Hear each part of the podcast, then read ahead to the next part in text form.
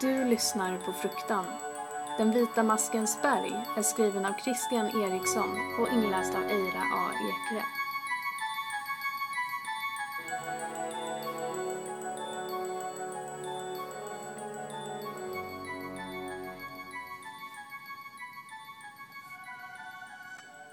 De hade vandrat genom bergen i två dagar. Trots att våren kommit och isarna på sjöarna hade börjat smälta så drog Iskender bin Hamza sin mantel kring sig. Förbanne denna kyla. Det är illa nog på låglandet. Hur står det ut? Hans kompanjon, Fredrik Brenner, som hade huvudet vänt mot den friska vinden, skrattade. Min vän, det är bästa sättet att vakna på. Ja, påminn mig att hälla kallt vatten på dig nästa morgon. Europas berg är för kalla, Egyptens sand för varm. Du har svårt att vara nöjd, Iskender. Ha! Hur kunde prästerna endast bära särkar i det här vädret? De hade ramlat över två underliga män i färd med att släpa upp en bondflicka i en vagn. Männen hade varit klädda i vita särkar och varit utan ett enda hår på huvudet, inte ens ögonbryn. Bleka och seniga som maskar. Efter Fredrik och Iskender räddat flickan hade de förgäves försökt få den överlevande kidnapparen att tala. De hade inte fått ett ord ur honom tills de återvände till Fredriks slott. Där lät de sfinxen, som de hade träffat i Grekland, hypnotisera mannen. Han, prästen till den vita masken, berättade om sin gud. Den hade kommit ner från de höga vita bergen långt upp i Norden och masken hade byggt sitt nya hem här i en oansenlig bergskedja. Allt detta skedde långt innan Atlantis sjönk under vågorna. Från den tiden hade hans brödraskap hållit vakt och berett guden med offer.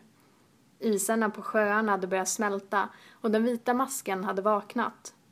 Fredrik och Iskender, som sedan länge varit oförmögna att ignorera äventyrets lockrop, gav sig ut för att hitta den vita maskens berg.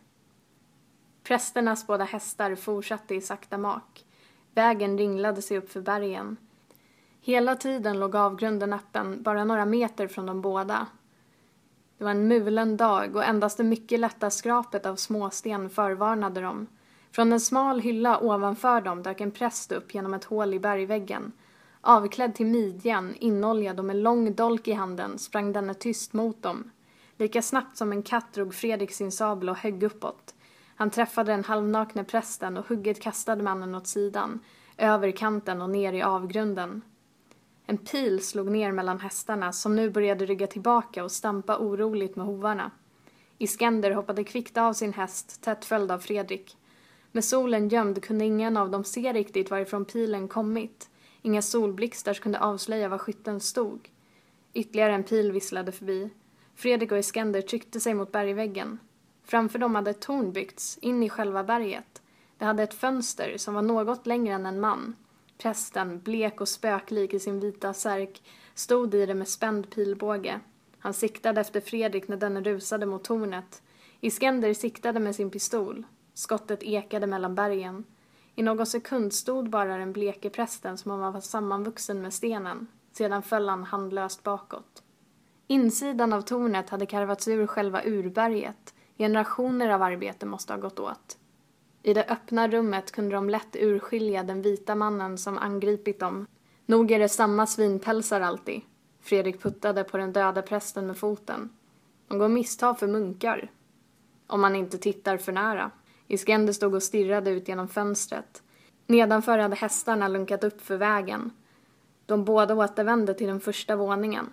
Hästarna hade ställt sig precis utanför och på andra sidan tornet hittade de en plats att binda dem på. När de väl kom tillbaks in i tronrummet nickade Fredrik mot en öppning. Det verkade vara en tunnel som ledde ner i berget. Låt oss då se vart detta leder. Det lär vara flera av dessa präster utan tvivel och även deras herre, någonstans där nere.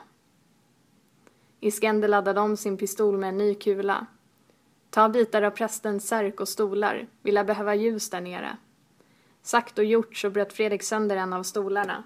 Därefter gick han upp till den andra våningen och skar långa remsor från prästens särk. De satte eld på de båda facklorna och begav sig. Deras skuggor dansade på väggarna i det orangea ljuset. Ned och ned gick de, mot bergets mörka hjärta.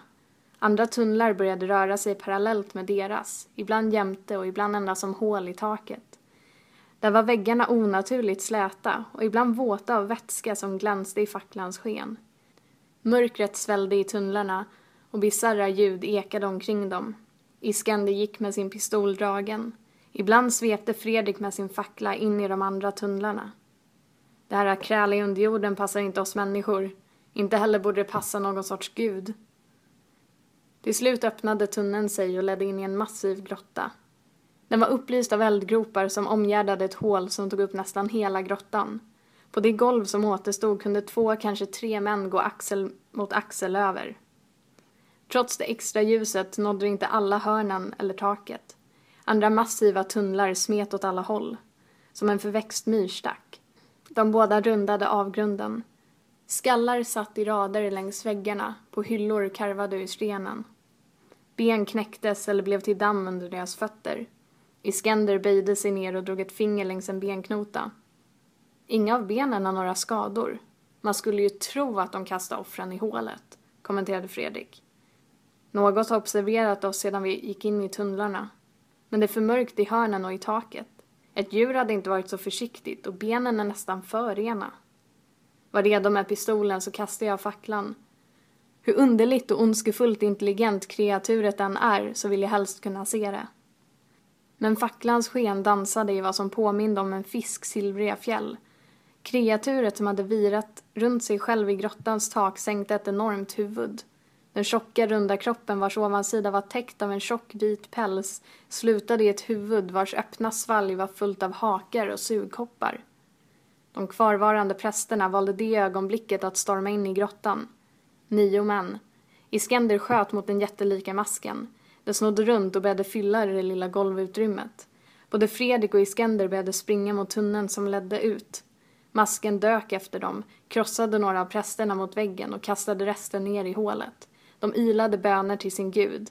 En blev ensam kvar, liggandes på golvet och höll stumpen där maskens tänder skurit av armen.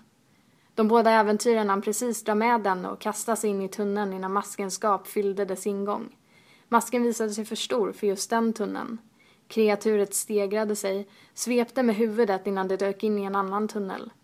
Iskender och Fredrik kunde höra den röra sig i väggarna. Berget skakade och dånade. Fast mörkret var tätt omkring dem höll de kursen uppåt, släpade den sista prästen mellan sig. Till slut var de tillbaka i tornet. De sänkte den jämrande prästen till golvet. Nu när kreaturets tillbedjare är döda så kommer det förr eller senare bege sig ut på jakt.